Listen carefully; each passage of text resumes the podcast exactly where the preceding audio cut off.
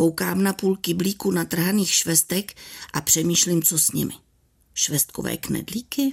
Hm, proč ne, tvaroch mám. Rýžový nákyp? Tam jsou lepší švestky sušené. Kompot? Tady se mi najednou myšlenky zaseknou. Kdy já jsem vlastně naposledy jedla kompot? Přitom vůně čerstvě vařeného jablečného kompotu se skořicí a citronem mi patřila k začátku září stejně samozřejmě jako třpitivé stále modré dny, chladné večery, rozkvetlý vřez a rostoucí houby. Vždy byl čerstvě vařený, ať už jsme ho za chladných a nevlídných dnů jedli ještě teplý nebo ledově studený, pokud bylo venku hezky.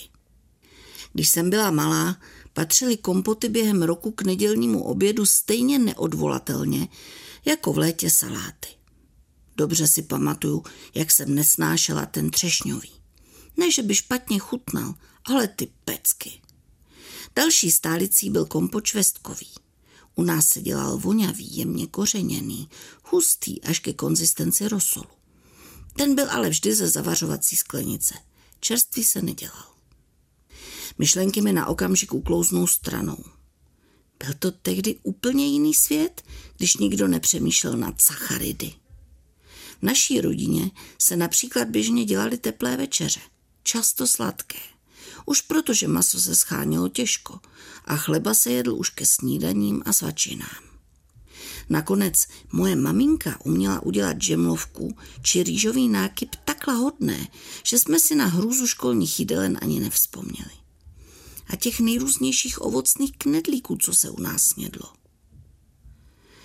Dnes mi chtíc nechtíc všechna tahle jídla vyskakují v hlavě obklopena vykřičníky.